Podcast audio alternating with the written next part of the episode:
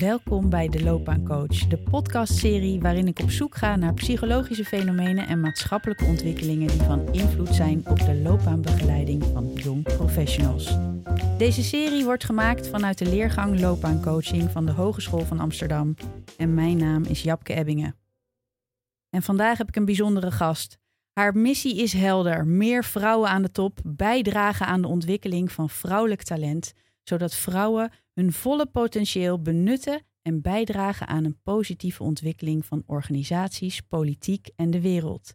Ze is oprichter van She Consult en schreef twee boeken: Fuck de onzekerheid en Een slimme meid is op haar toekomst voorbereid, een survival gist voor jonge, ambitieuze vrouwen.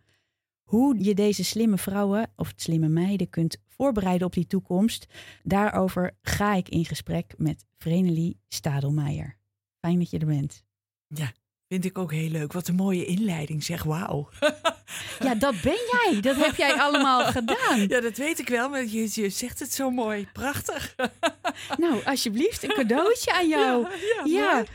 Vreemdelie, want je boeken die lezen als een trein. Eh, je, dat bevlogen, feministisch, practice what you preach. Waar komt jouw passie voor dit onderwerp vandaan? Ja, dat is denk ik eigenlijk al heel jong eh, begonnen. Ik ben eh, opgegroeid in een eh, jongensgezin. waarbij me al, eigenlijk al heel snel duidelijk werd dat meisje zijn wat minder waardig was. Ik was ook, ik heb op een jongensschool gezeten. Ik was de eerste lichting meisjes die naar een jongensschool gingen. Dus ik was met zes meisjes en wat is het, eh, 34 jongens zat ik in, de, in een klas op een school met verder alleen maar jongens. Hè, als zesjarig meisje. Eh, en daar gebeurden al dingen waardoor ik me besefte van... joh, weet je, meisjes zijn wordt, wordt gezien als minder waardig. Bijvoorbeeld, meisjes moesten dan handwerken. Wij moesten dan gaan handwerken, een popje breien of zo. En de jongens mochten voetballen. En jij wilde liever voetballen? Ja, ik wilde ook voetballen. Een beetje suf een popje breien. Daar had ik helemaal geen zin in. Dus nou, ik, ik, ik- ben toen heel boos naar huis gelopen. Iedereen in paniek, Vredelie kwijt. Oh jee, jee, jee, waar is ze? Nou, ik was gewoon thuis. En mijn ouders waren het wel met mij eens, gelukkig. Die vonden dat eigenlijk ook raar. Waarom, waarom moeten meisjes popjes breien en mogen jongens voetballen? Hè? Laat, laat ze kiezen. En vanaf dat moment mochten de meisjes kiezen. Maar de jongens niet.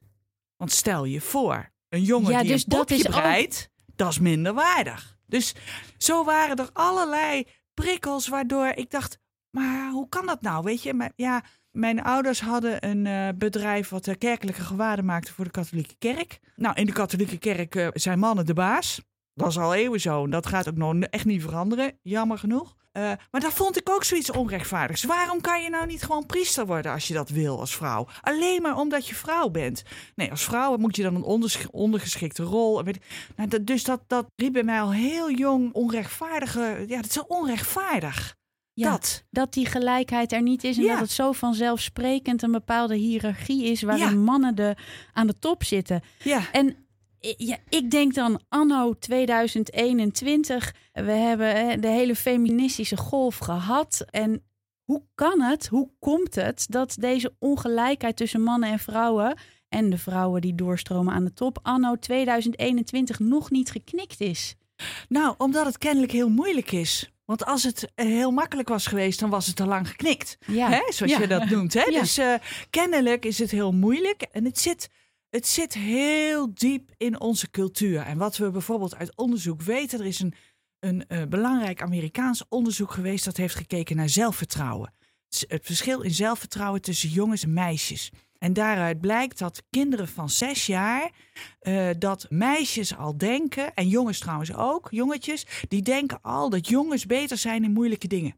Maakt niet uit wat voor moeilijke dingen, gewoon moeilijke dingen. Hè? Eh, dus, dus als iets moeilijk is, nou dan moet een jongen dat maar doen. En dat meisje dat kan dan gaan handwerken. Dat Ja. is vet moeilijk trouwens, handwerken. Ja, dat is vet moeilijk, de- daar niet van. Maar, eh, nee, Ja. maar en dus, dus je ziet Ja. eh, op een leeftijd van zes zie je al dat het zelfvertrouwen van meisjes daalt. En is dat volgens jou nurture of is dat nature? Want Nou, je noemt zijn- het cultureel bepaald. Ja, er zijn steeds meer aanwijzingen dat het ook nature is. Ja, dus hè? ook aangeboren, Ja, ook en, en, eh, genetisch ja, anders. Iris Sommer heeft een boek geschreven, Het Vrouwenbrein. Echt een fantastisch boek. Als je het nog niet kent, moet je het echt gaan lezen. Eh, waarin zij aantoont dat er echt biologische verschillen zijn tussen mannen hersens en vrouwenhersens. Dat betekent dat vrouwen uh, anders denken, anders doen en dus ook tegen andere dingen aanlopen uh, dan mannen. En dat doen ze dus ook in hun studie en dat doen ze ook in hun werk. En daar heb ik She-Consult in feite op gebouwd. Hey, ik ben in 2007 ben ik gestart met She-Consult. We hebben nu inmiddels 22 vestigingen in Nederland. Vrouwen zijn anders. Die zijn gewoon anders en die doen dingen anders. En die lopen in hun werk tegen andere dingen aan dan mannen. En daar moet je rekening mee houden. Want anders doe je vrouwen onrecht aan. Ja, en daar gaan we zo meteen verder over in gesprek. Hoe je daar dan rekening kan houden. En hoe je recht kunt doen aan, aan dat vrouwelijke. Ja. ja. in, om ook wel door te groeien naar de top. Um, Waarom moest dat boek, Die slimme meid is op haar toekomst voorbereid, waarom moest dat er komen? Nou, mijn, kijk, mijn eerste boek, Fuck die onzekerheid, dat heb ik geschreven in 2004. Ik heb even een inleiding nodig om dit te vertellen, ja? ja dus die komt nu, die inleiding. ja. Uh, uh, mijn eerste boek, uh, Fuck die onzekerheid gaat over het impostersyndroom, het bedriegerscomplex, de angst om door de man te vallen. Je weet dat je goed genoeg bent en toch heb je twijfels? Ben je bang dat ze erachter komen dat je het toch niet kan? Daar gaat dat boek over. Dat ben ik gaan schrijven omdat wij in onze coachpraktijk ongelooflijk veel getalenteerde vrouwen tegenkomen die gewoon last hebben van die onzekerheid. En toen ben ik onderzoek gaan doen en toen kwam ik op dat imposter dat voor het eerst in Amerika beschreven is. Daar heb ik een boek over geschreven. Nou, daar heb ik uh, samen met een theatermaker een theatercollege uh, over gemaakt en daarmee sta ik in de theaters. Nog steeds. Uh, in de theaters, grote zalen, kleine zalen, maar ook bij organisaties, bij vrouwennetwerken enzovoort. En dat zijn over het algemeen zalen met alleen maar vrouwen. En bijna altijd komt de vraag uit de zaal: hoe zorg ik er nou voor dat mijn dochter het anders gaat doen? Dat mijn dochter niet tegen deze dingen aanloopt en dezelfde fouten maakt als die ik heb gemaakt. Toen dacht ik: ja, ik heb ook een dochter en een stiefdochter daar moet ik gewoon een boek voor schrijven. Dus, dus dat was echt de aanleiding dacht ik, dat ik dacht van ja, weet je, jonge vrouwen komen van school of komen van de universiteit en die zijn gewoon goed. Die, die komen, ze studeren sneller af en met betere cijfers. Ze zijn gewoon goed.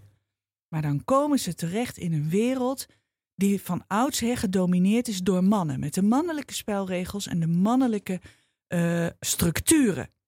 En daar zijn we niet op voorbereid. Die kennen we niet. Uh, daar ontbreekt gewoon kennis. Dus wat zie je gebeuren? Dat weten we ook uit onderzoek. De ambitie van mannen en vrouwen is als ze van hun opleiding afkomen even hoog. Er is wel een verschil. Je ziet bij mannen die hebben wat meer een extrinsieke ambitie. Dat wil zeggen dat ze veel meer gaan voor status en voor een bepaalde positie. En vrouwen hebben een wat meer intrinsieke ambitie. Ze gaan veel meer voor mooi werk, voor betekenis zijn, het goed willen doen. Dat, hè? Maar grosso modo zijn die ambitieniveaus even hoog. Maar dan zie je doordat vrouwen gefrustreerd raken in die masculine setting. En ook als je in een ziekenhuis werkt waar veel vrouwen werken. Of ook als je op een hogeschool werkt waar veel vrouwen werken. De setting en de regels zijn masculien. Dan zie je vrouwen gefrustreerd raken. Ze, ze maken te weinig impact. Ze worden links en rechts ingehaald door, door middelmatige mannen. Ze worden niet gehoord. Ze voelen zich niet gewaardeerd. Dus ze haken af, ze stromen uit, ze gaan drie dagen in de week werken en dat is doodjammer. Want ze zijn wel hartstikke goed. Want ze zijn hartstikke goed. Dus wat ik probeer met dit boek, of wat het doel is van dat boek Een slimme meid is op de toekomst voorbereid, is om jonge meiden tools te geven, gewoon de, de kennis, dat ze weten wat ze te wachten staat. Zodat als ze tegen een masculine spelregel aanlopen, dat ze denken, oh wacht even, die ken ik. Die heb ik een keertje gehoord. Wacht even. Ja. Oké, hoe ga ik hiermee om? Wat ga ik hiermee en doen? Wat zijn dan, Vrenelie, die masculine spelregels of de masculine wereld? Of is dat hetzelfde? Ja, nee, dat is niet hetzelfde. Oké, dus laten we even, ja. ja. dus laten we even beginnen. Wat is nou, dan de masculine wereld waar je in loopt? Bijvoorbeeld, uh, wij kwamen hier binnen. Ja? Uh, ik zeg, goh, wat een mooi... Ik weet niet meer precies hoe het ging hoor. Maar ik zeg, goh, wat een mooie studio. Zo, ook echt een prachtige studio waar we in zitten, uh, luisteraars. Nou, ik zeg, goh, wat een mooie studio, dit en dat. Hè? En uh, wat goed dat je dat allemaal beheerst en zo. Toen zeg jij iets van... ja, nou ja, ik heb het gisteren ook pas voor het eerst. En ik weet eigenlijk niet... ik weet, ja, het, het lukt We hebben namelijk een hele vette nieuwe studio. En ik voel me digitaal nooit zo goed equipped. En ja. dan... Ja. ja. dus ik was me lekker mezelf aan het downsizen. Ja, ja precies. Nou, wat is dus de vrouwelijke spelregel? De vrouwelijke spelregel is dat je transparant bent. Dat je zegt wat je denkt. Dat je zegt hoe het in elkaar steekt. Dat je uh, daarin eerlijk bent over je gevoelens en over je dinges. Nou, dat liet jij zien. Prachtig. Ja? Niks mis mee. Alleen als je dat in een masculine setting doet, of bij mannen doet, dan denken ze: Jezus, wat een muts.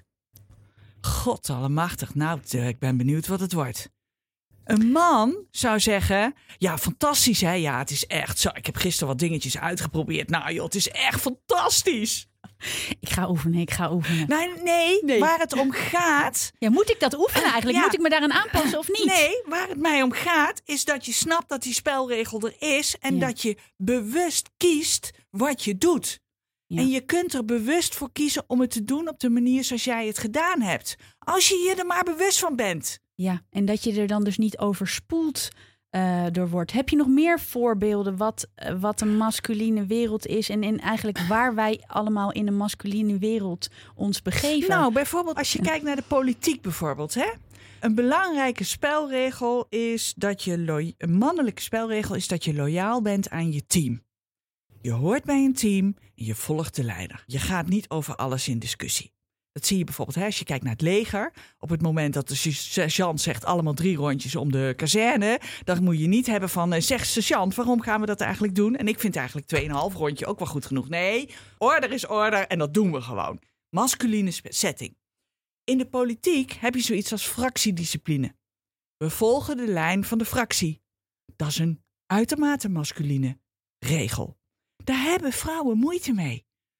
Vrouwen die zeggen, ja, eh, maar joh, eh, hè, eh, ik vind iets en ik vind dat ik trouw moet zijn aan mijn principes en dat ik, dat ik mijn eigen weg moet volgen en weet ik veel wat. Dat is heel goed. en als ik daar dus soms dan, als, even als ik dat afmaak als vrouw, kan een vrouw ook denken van, nou, ik kan ook een dwarsverbinding zoeken. Of misschien dat het even nog buiten de partij of dat er een andere samenwerking Ja. ontstaat. Ja, en mannen denken misschien wel hetzelfde. Alleen bij hen weegt de fractiediscipline, de masculine regel, dan zwaarder dan. eh, ik, weet, ik weet dat ik enorm loop te generaliseren. Hè? Dus laat, laat ik even een Ja, soort disclaimer. hier, ja, een daar- waarvan disclaimer. Ja, ja, ja. Het is, ik- wat ik vertel is enorm zwart-wit. Hè? En eh, ik overdrijf ook enorm, maar dat is echt alleen maar om eh, mijn punt te maken. Hè? Dus ik ga er met een gestrekt been in, maar ik weet echt wel dat het gekleurder is dan alleen maar zwart en wit. Dus oké, maar mannen, voor mannen is die, die, die masculine regel van loyaal zijn aan je team misschien nog wel belangrijker dan eigen integriteit. En voor vrouwen is dat precies andersom. En als je dus als vrouw het team in de steek laat, begrijpen mannen daar geen flikken van. Nee, dus dan is het verraad. Dan is het verraad. Verraad aan je maten. En dan moet jouw kop eraf. Ja, en dus dit zijn voorbeelden waar je je als vrouw bewust van moet zijn dat dat speelt. Niet Ja, dat je eraan moet ja. aanpassen, maar dat je bewust bent Ja. dat dat is. En dat, In- nou, en dat hoor ik dus bijvoorbeeld vaak van vrouwen die bijvoorbeeld in een managementteam zitten. Hè? Dan hebben ze met het managementteam een bepaalde visie neergelegd of een bepaalde lijn. En dan zegt zo'n vrouw, ja, ik, ik ben het er gewoon niet mee eens. Ik vind toch... En dan, dat, dat wordt door de andere teamleden echt als verraad gezien. En daarom roept het zulke heftige eh, reacties op. Terwijl die vrouw denkt, waarom kan ik dus dit niet bespreekbaar maken? Zoals ik in de studio, we gaan net zo goed een mooi gesprek hebben. En eh, toch kan ik even zeggen, oeh, die techniek. Precies, ja, Ja, precies. ja. Ja, dat is het Ehm, precies. Op jullie website van Chic Consult, daar schrijven jullie eh, dat, dat jullie zijn voor vrouwen die hun, ehm, die hun krachtige, effectieve, onweerstaanbare Ja. combinatie van mannelijke en vrouwelijke eigenschappen willen ontdekken. En eh, dat zei je ook al eerder en ook voor dit gesprek van ieder mens, ook een man en een vrouw. Dus hierin is het eigenlijk heel genderneutraal. Heeft mannelijke en vrouwelijke eigenschappen in zich. En eigenlijk doe je een pleidooi van het is de kunst dat je zowel die mannelijke als die vrouwelijke eigenschappen eh, weet te bedienen. We hebben nu een beetje een beeld van die, van die mannelijke wereld waar we in opereren. Op je website zeg je ook nog prachtige voorbeelden van zelfs de autostoel, de maat is eh, gemeten aan de gemiddelde mens, oftewel de gemiddelde man. Of medicijnen zijn afgemeten aan de gemiddelde mens, ofwel de gemiddelde man. En eh, daardoor krijgen vrouwen vaak een te hoge dosis. Maar nu gaan we naar die eigenschappen. Wat zijn typisch mannelijke eigenschappen en wat zijn typisch vrouwelijke eigenschappen? En hoe kun je Ja, die dus die beide zijn- inzetten? Ja, en die zijn, dat is wel mooi, want die zijn eh, eh, min of meer gelinkt aan de hoeveelheid testosteron die je hebt. dus daar komt toch dan weer de, ja, ja, de, nature zeker, eh, zeker, zeker, zeker, zeker. Dus, en testosteron zorgt voor drive. Ook voor seksdrive trouwens. Testosteron zorgt voor drive, die zorgt voor focus, die zorgt voor moed, die zorgt ervoor dat je beslissingen durft te nemen. Ja, dat, dat, dat, is, dat is een eigenschap die je, die je zeker nodig hebt in het leven. Je kan niet zonder testosteron, want dan kan je eigenlijk nog geen, niet beslissen of je nou de ene tomaat of de andere tomaat koopt in de, in de supermarkt. Hè? Dus testosteron hebben we gelukkig allemaal.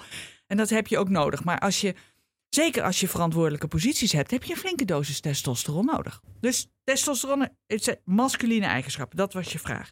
Feminine eigenschappen zijn uh, eigenschappen die te maken hebben met zorgzaamheid, empathie, communicatie, emoties kunnen lezen, invoelingsvermogen, dicht bij jezelf blijven.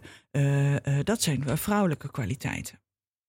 En de ultieme leider, die weet ze alle twee te beschikken. Of en dan leiderschap zie ik dan niet dat je de baas van een groot concern moet, maar dat kan ook een projectleider zijn of, uh, uh, of lesgeven of uh, regie pakken in, in dat wat, op je, ja, wat op je pad ligt. Ja, er bestaat zoiets als de bandbreedte van vrouwelijk leiderschap. En dat moet je eigenlijk in een, eh, in een eh, diagram zien. Dat je op de, op de x-as heb je dan uh, de masculine kwaliteiten en op de y-as de feminine kwaliteiten. Of andersom moet je het misschien wel, wel zeggen, x en y. Maar goed, maakt niet uit. En de, de bandbreedte van vrouwelijk leiderschap zit op de diagonaal. Dus hoe meer masculiniteit je laat zien, hoe meer femininiteit je ook moet laten zien om effectief te kunnen zijn. Want als je alleen maar masculiniteit laat zien als vrouw, dan ben je de bitch, de uberbitch. Hillary Clinton zat te veel aan de masculine kant. Dat werd er verweten. Kil, arrogant, koud, bitchy, dat. Hoe doet Sigrid Kaag het? Ik denk dat Sigrid Kaag het goed doet. Ik denk dat dus die, heeft een balans tussen ja, beide. Ja, precies. En een moeder van vier kinderen. Ja. En... Precies, ja. En, en, en als je dus te veel aan de, aan, de, aan de feminine kant zit, dan ben je softie en niet in staat. En dan ben je geen leider en ook niet competent en een typische zeurvrouw. Dus, hè? Ja, uh, en voor al die decanen en die loopbaanbegeleiders ja. en die studiekeuzeadviseurs. Waar moet je dan op letten als je, uh, ja, gewoon ook al bij die leerlingen in de school, bij die vrouwen. Um, hoe kan je ze aanmoedigen om beide te laten zien, ook al in het schoolsysteem? Nou, door het daar met ze over te hebben dat dat bestaat en dat, dat, dat, dat het, het een niet beter is dan het ander. Uh, en dat om effectief te zijn je beide moet inzetten en dat dat niet tegelijkertijd hoeft. Hè, dus je kunt heel goed masculiniteit laten zien, uh, bijvoorbeeld in een vergadering en, of, of in een projectgroep. En dan een uur later uh, er wat feminiens in te gooien. Dat kun je bewust doen. Maar dat kun je bijvoorbeeld ook doen door gewoon charmant te zijn. Bijvoorbeeld uh, Gerdy Verbeet vind ik iemand die dat, uh, die dat fantastisch combineert. Die, die kan vlijmscherp zijn en toch heel charmant. Want jij vroeg, wat, wat kan nou zo'n decaan of een, op een school, een ja? loopbaanbegeleider... wat kan die nou doen met, met zulke jonge mensen, meisjes, vrouwen... Um, ik denk het belangrijkste wat ze zullen zien bij die vrouwen is onzekerheid. Ja. Hè, uh, meisjes die steen, steengoed zijn en die dan toch zichzelf helemaal over de kop werken, burn-out raken. We hebben een aantal millennial coaches uh, in huis uh, die met name gespecialiseerd zijn in het coachen van echt van die jonge vrouwen. En het aantal burn-outs is echt schrikbarend hoog. Ja, en, dat wordt steeds jonger, die leeftijd. En je ziet heel erg het perfectionisme, zie je heel erg groeien bij ja. meiden. En daar zit echt dat imposter-syndroom onder. Hè? De angst om door de man te vallen. Ze weten echt wel dat ze goed zijn. En toch is er iedere keer dat stemmetje in hun hoofd dat zegt: hey, je bent niet goed genoeg, je kan het niet. Je moet er veel harder voor werken dan anderen. Die, die docent ziet niet wat je eigenlijk allemaal fout hebt gedaan. Die moest dus weten, want dan kreeg je een drie. Weet je wel ja, dat? Dus het begint bij loopbaan, bij, bij de, voor de coach, begint het erbij dat imposter syndroom ja. te herkennen. Precies. Te herkennen, te zien, ja. benoemen. En um, hoe kun je dan mensen voorbereiden? Want je noemt in je boek ook uh, masculine spelregels. En dat zijn, je, je beschrijft ja. vijf machtsniveaus. Ja. Uh, zou je die vijf machtsniveaus kort kunnen ja. noemen? En, uh, en waar vrouwen dan moeite mee hebben en hoe we ze daarmee ja. kunnen om leren ja. gaan. Ja, die, die, die spelregels zijn weer iets anders dan de vijf verschillende machtsniveaus. Hè? Die spelregels hebben we bijvoorbeeld, hè, als ik daar nog wat over mag zeggen. Oh, en dan kom ik zo op machtsniveaus. Hè, maar die, die, die vrouwelijke spelregels, dat is bijvoorbeeld uh, uh, dat je als vrouw vindt dat je transparant moet zijn. En een man zegt van, nou vertel nou maar alleen maar wat nodig is. mannen vertellen zelf wel hoe goed ze zijn. En vrouwen denken, nou dat Ga ik echt niet doen. Ik ga echt niet lopen opscheppen. Maar bijvoorbeeld ook de spelregel. Uh, mannen hebben de spelregel: je bent pas af als de scheidsrechter het ziet. Hè, dus we gaan gewoon een beetje losjes met de regeltjes om. En als, uh, als we dan betrapt worden, is het mea culpa. Oh ja, sorry, ja, nee, oké. Nou, dat. Terwijl vrouwen denken, nee, regel is regel en ik hou me aan de afspraak. Dat, hè? Als je verrijkt naar het verschil tussen mannenvoetbal en vrouwenvoetbal, dan zie je het Ja. gewoon gebeuren. Oké, dat Ja. over spelregels. Zo zijn Ja. er veertien. Dus dat zijn er best, best een, eh, een aantal. Er staan allemaal in het boek Een Slimme Meid is op de toekomst voorbereid. Eh, die machtsniveaus, dat is, dat is een ander issue. Kijk, als je invloed wil hebben, ja, invloed, macht. Hè, maar als je iets voor elkaar wil krijgen, heb je macht nodig. Nou, er zijn vijf verschillende niveaus van macht en daar zit een hiërarchie in. Eh, het en dan onder- begint het er natuurlijk al mee dat vrouwen gewoon vreselijke moeite hebben met de term macht. Dat überhaupt al, daar begint het al mee. Dus daar moet je Dus we onmiddellijk willen mee eigenlijk niet. Dus we, we- macht vinden we gewoon een raar en vies ding. We doen Ja. het toch samen. Ja, nou ja, precies. Dat is het tweede niveau van macht trouwens. We doen Ja, het samen. Het eerste niveau... Ja. neem ons mee. Ja. Wat zijn de niveaus van Ja. macht? eerste niveau van macht is het, eh, het- het niveau van eh, macht door hulp vragen. Eh, dus dat is, oh ik weet het niet, ik kan het niet, kun je me alsjeblieft helpen? Ik heb een zware doos te tillen, dan kijk je de man aan en zeg je, oh kun jij maar oh joh, die man die tilt die doos wel even voor je. Dat kan heel handig zijn om dat in te zetten. Ik zet hem graag in. Bij dingen waar ik geen zin in heb. Hè, dat werkt met een beetje een smile en dingen. krijg je alles voor elkaar. Heel handig, heel nuttig niveau. Oké, dat is het niveau door hulp vragen. Het tweede niveau is, die noemde jij net al, dat is het macht door bondgenootschap. Samen gaan we proberen om dingen voor elkaar te krijgen. We richten een actiegroep op. Samen met een collega leggen we een voorstel neer bij de raad van bestuur. Eh, kortom, we doen het samen. Sa- eh, hè? Dat, eh, dat is ook fijn. Dat is fijn, dat is gezellig, dat vinden we leuk. Dat, is, dat geeft wat meer zelfvertrouwen. Dus dat is ook een heel nuttig niveau van macht. Het derde, nou komt ie. Het derde niveau van macht, dat is het niveau van egomacht. Macht op grond van prestatie. Dat is eh, het niveau waarbij je macht hebt omdat je een bepaalde status hebt. Omdat je bepaalde prestaties hebt neergezet. Om in dat machtsniveau te kunnen opereren, moet je in dat machtsniveau gaan staan. Moet je je prestaties roemen. Moet je je omringen met statussymbolen. Grote auto, duur horloge. Eh, nou, dat zie je mannen dus ook doen, hè? Mannen die hebben een grote auto, duur horloge, jonge vriendin, dure reizen, groot huis, dat allemaal. Ja, ik weet het. Ik weet het, ik chargeer. Niet iedere man. Ja, Als je nu als ja. man afhaakt, want je Ja, denkt dat ben ik niet. Het gaat dan ook niet over jou. Het is Precies. de balans tussen mannelijke en vrouwelijke Precies. eigenschappen in ieder mens. precies. Ja. Precies. Dus, Ja, maar En dit is dus de egomacht. Je Ja. laten zien door prestatie. En je zegt er ook iets heel wezenlijks. Ook je eigen prestaties claimen. Precies. Dus niet alleen maar van, nou ja, dat is toevallig zo gebeurd. Nee, dat heb ik gedaan. Ja, dit was mijn voorstel. Precies. zie hier mijn resultaat. Precies. En iedereen moet weten dat ik dit gepresteerd heb. Dat. Ja. ja. Nou, dan krijg je de volgende niveaus van macht. Dat is de macht door zelfreflectie. En dan heb je dienend, dienend eh, leiderschap, zeg maar. Nou, die, die twee, die doen we ook heel graag. Hè? Macht door reflectie en macht door dienend leiderschap. en Zo, dat doen we ook allemaal heel graag. Als vrouw. Als vrouw. Alleen, het grote probleem is... je kunt niet om dat derde niveau van macht heen. Er zit een hiërarchie in. Je kan dat Ja, dus niet moet je ze door-. Je moet het doorlopen. Ja, Ja, daar heb ik ook een diepe zucht. Want weet je wat mijn, ja, weet je wat mijn moeite is? Want die andere vind ik allemaal eh, mooi, begrijpelijk. En ook eh, Ja, dat, je er, eh, dat je er niet in moet blijven hangen in zo'n hulpvraag of zo. Of in het bondgenoten. Maar ehm, wat ik lastig vind aan het ego-macht... is dat ik me afvraag... Ja, ga je dan iemand leren om zichzelf te verlogenen? Snap je? Ego gaat allemaal over uiterlijkheden en over niet per se over intrinsieke waarden of over wat er werkelijk toe doet. Zegt die auto nou werkelijk iets over jou? Ja, maar nee, ja, oké. Nee, die auto zegt natuurlijk helemaal niks over jou. En dat horloge ook niet. Ik ben er ook zelf nooit van onder de indruk. Nee, maar mannen wel. Ja, dus, dus het is. Nou ja, maar kijk, is, maar is dat dan gaat? je, is Wat- dat dan je aanpassing aan de, aan Nou, de nee, mannelijke wereld? Ja, ook.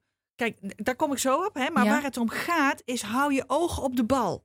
Wat wil jij bereiken? En wat is daarvoor nodig om dat te bereiken? Als daarvoor nodig is dat jij een grote auto koopt en een duur horloge, maar je kunt daarmee wel het leven van honderdduizend vrouwen veraangenamen, of uh, je kunt daarmee honger de wereld uit helpen. Nou, dan koop alsjeblieft als, als ja. een sodemieter die auto en dat horloge. Kan jou het schelen? Ja. Ja, dus je zegt zet het strategisch in. Precies. Als het grote doel is, wil je in dat college van bestuur, wil je premier worden van het ja, land? Omdat wil je... denkt dat je iets toe te voegen hebt, dan doe je dat. Dan is dat gewoon een onderdeel van de strategie en dan maak je er niet druk over, maar doe het gewoon. Dus dat, ik denk dat dat, uh, dat, dat heel, heel wezenlijk is. Daarnaast kun je natuurlijk ook kijken van hoe kan ik dat derde niveau van macht inzetten? Hoe kan ik daarin gaan staan op een manier die wel bij me past? want misschien past die grote auto en dat dikke horloge niet bij jou, maar past het wel bij jou om bijvoorbeeld uh, mooie sieraden te dragen?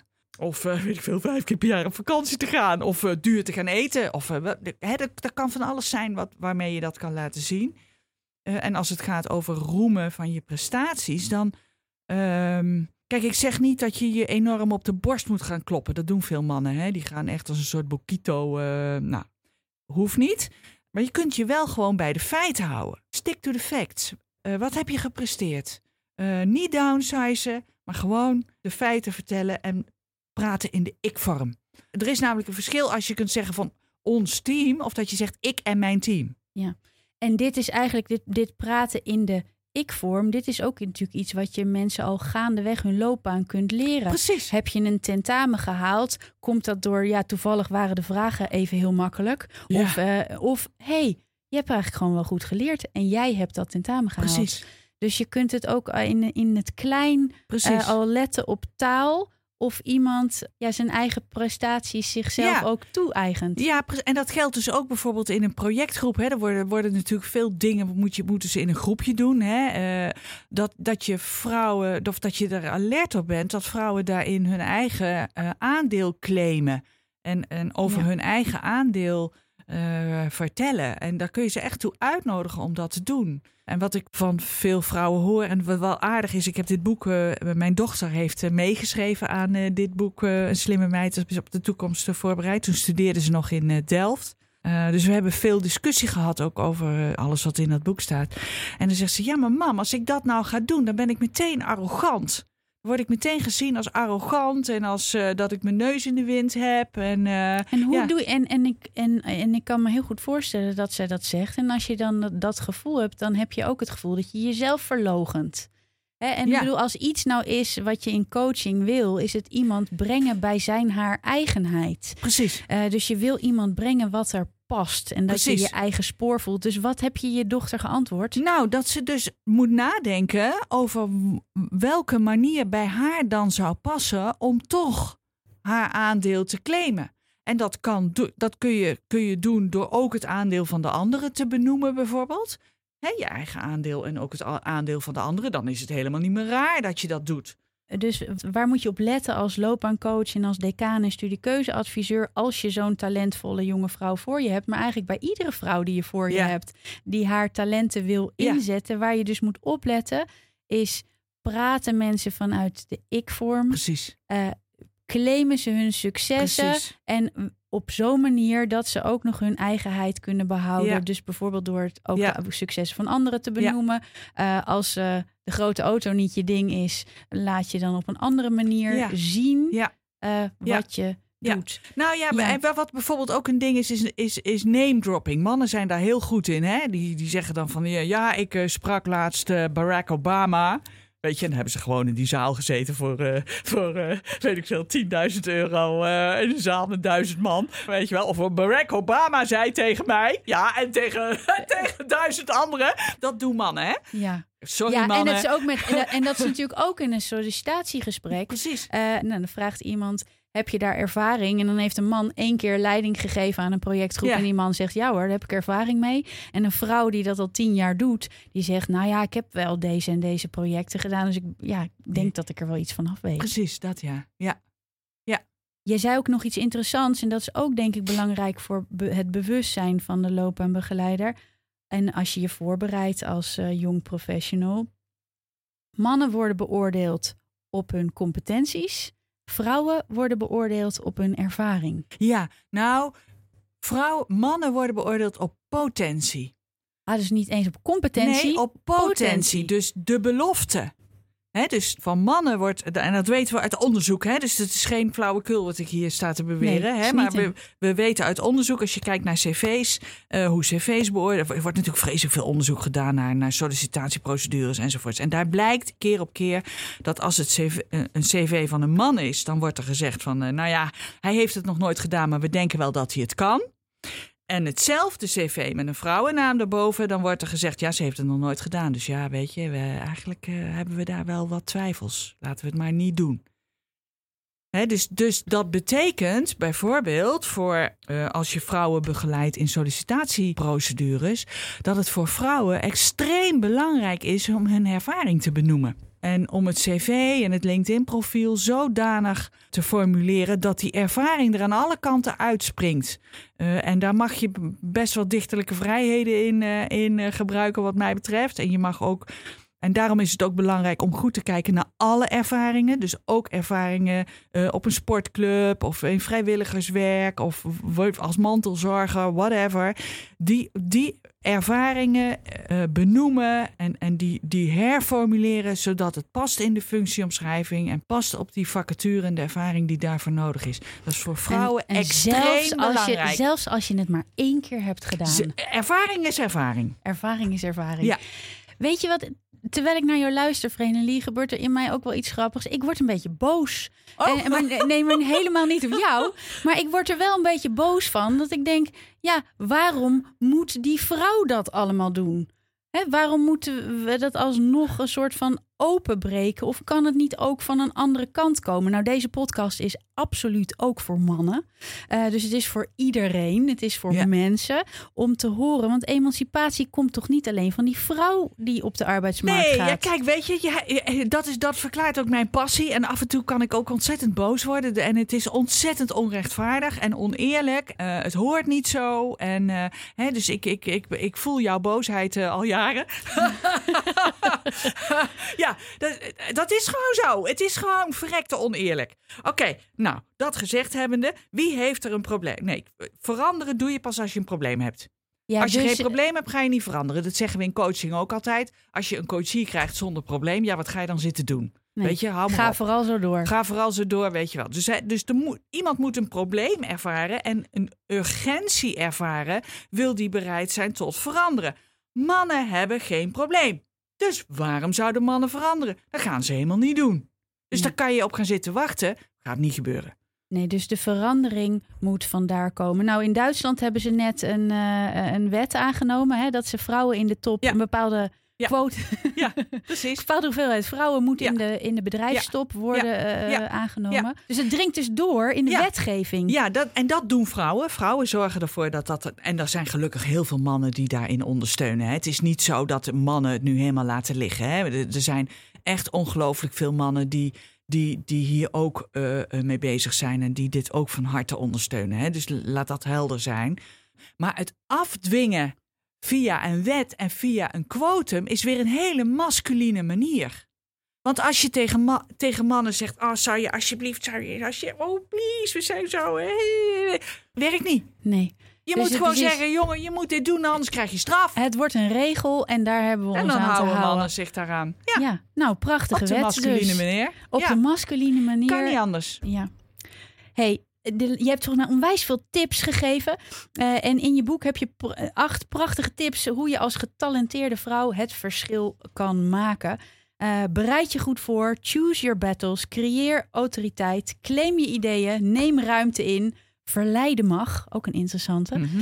En ehm, wees moedig en wees volhardend. Ja. Eh, wat zou je als coach, eh, we hebben al veel voorbij zien komen, maar is er nog één in je hoofd, Vrenelie, waarvan je zegt, nou ga dat als eerste doen als je zo'n ja, getalenteerd, ambitieuze vrouw voor je neus hebt?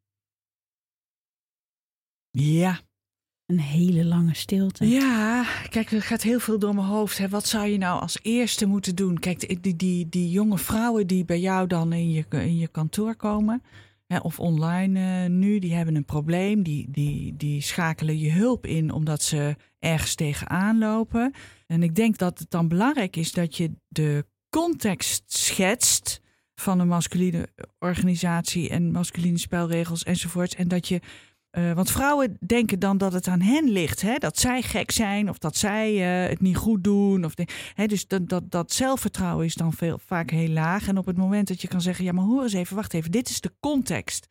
Uh, je bent niet de enige. Er zijn heel veel vrouwen die hier last van hebben. Dus het is niet raar. Uh, waar je mee komt. Het is verklaarbaar. En oké, okay, uh, de wereld kunnen we niet veranderen, maar jij kan wel jezelf veranderen. Dus dat je, dat je dan daarmee aan de slag gaat. Maar dat je wel even die vrouw bevestigt. Of, of, of ja, en dat je in het, het trekt naar de grotere context. Precies. Van, die onzekerheid ja, en de ja, erkenning daarvoor geeft. Ja, precies. Ja. ja. ja. Die ik kan nog heel lang met je door over dit onderwerp. Ik heb één laatste vraag. Hoe zou de wereld eruit zien als we balans vinden tussen onze masculine en feminine eigenschappen? En dan bedoel ik niet alleen, als ik zeg onze, bedoel ik niet alleen de vrouw, maar dan bedoel ik ook ja. de man. Ja, nou ja, ik denk dat we daar allemaal op vooruit gaan. Kijk, ik denk dat het zoals het nu is, een wereld die gedomineerd wordt door mannen en waar de macht en het geld in handen zijn van mannen, is niet goed. Uh, andersom, een uh, wereld met alleen maar vrouwen uh, aan de macht is ook niet goed. Hè? Dus we moeten het echt samen doen. En ik denk dat als daar balans is op alle fronten, hè? dus ook meer, meer mannen in het onderwijs, meer mannen in de kinderopvang, meer uh, meer mannen in de, in de dan de typische vrouwelijke beroepen en ook meer mannen thuis. In de homeschooling? In de homeschooling, precies. Uh, ja, we weten gewoon uit onderzoek dat dat leidt tot betere beslissingen, meer oog voor de zwakkeren. Ja, daar gaan we allemaal op vooruit. Het is niet voor niks ook dat de, de Verenigde Naties een resolutie heeft aangenomen dat er bij ieder onderhandelingsproces er tenminste één vrouw aanwezig moet zijn. Dankjewel, Vrenelie, voor dit mooie gesprek. Um, ga dat lezen, dat boek. Een slimme meid is op haar toekomst voorbereid. Zodat we de ambitieuze meiden van nu goed kunnen voorbereiden op uh, die nieuwe wereld. Dit was de Loopbaancoach. We zijn te vinden op iTunes, Soundcloud, Spotify of via onze website www.hva.nl slash loopbaancoaching. Ook zijn we te volgen op Instagram, de Loopbaancoach. Zeg het voort. Leuk dat je luistert.